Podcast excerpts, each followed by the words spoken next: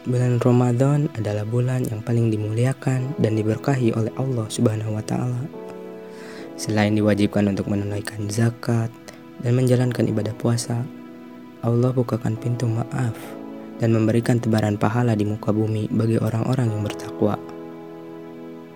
Pada bulan Ramadan pula terdapat peristiwa penting, yaitu Nuzulul Quran dan Lailatul Qadar, di mana Al-Quran turun ke muka bumi oleh Allah kepada Nabi Muhammad SAW melalui malaikat Jibril di malam Lailatul Qadar.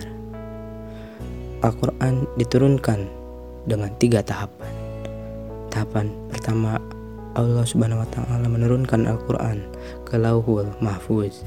Tahapan kedua, Allah Subhanahu wa taala menurunkan Al-Qur'an ke sama dunia di langit dunia Baitul Izzah dalam masa jumlatan wahidah.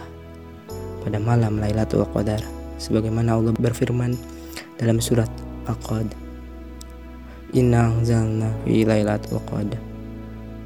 Sungguhnya kami telah menurunkan Al-Quran pada malam kemuliaan. Tahapan ketiga kemudian dari Baitul Izzah pada baginda Nabi Muhammad SAW dengan cara berangsur-angsur selama 22 tahun sesuai dengan kebutuhan.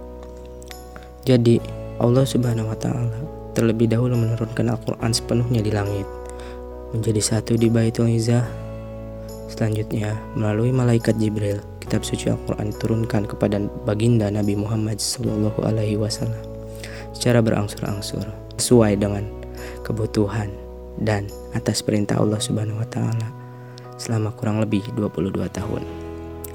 Melalui bulan Ramadan dan Nuzulul Quran, Allah Subhanahu wa taala menegaskan kepada semua umatnya sudah seharusnya Al-Quran menjadi kitab yang paling mulia dan sebagai pedoman hidup semua umat muslim.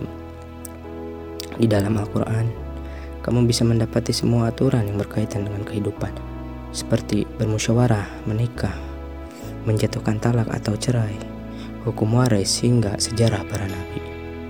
Hendaknya kamu bisa menjadikan kitab suci Al-Quran sebagai pedoman agar selalu dijauhkan dari hal yang tidak benar dan orang-orang musyrik.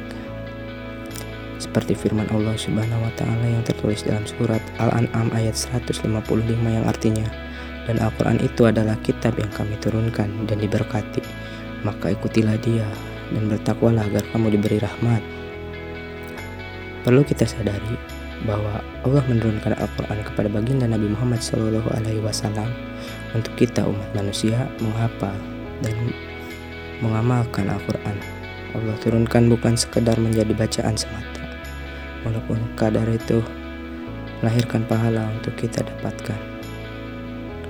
Al-Quran adalah kitab yang ketika Allah turunkan berisi pedoman-pedoman kehidupan yang di dalamnya ada solusi, jembatan kebaikan, dan juga petunjuk-petunjuk yang akan mengantarkan kita kepada kemuliaan.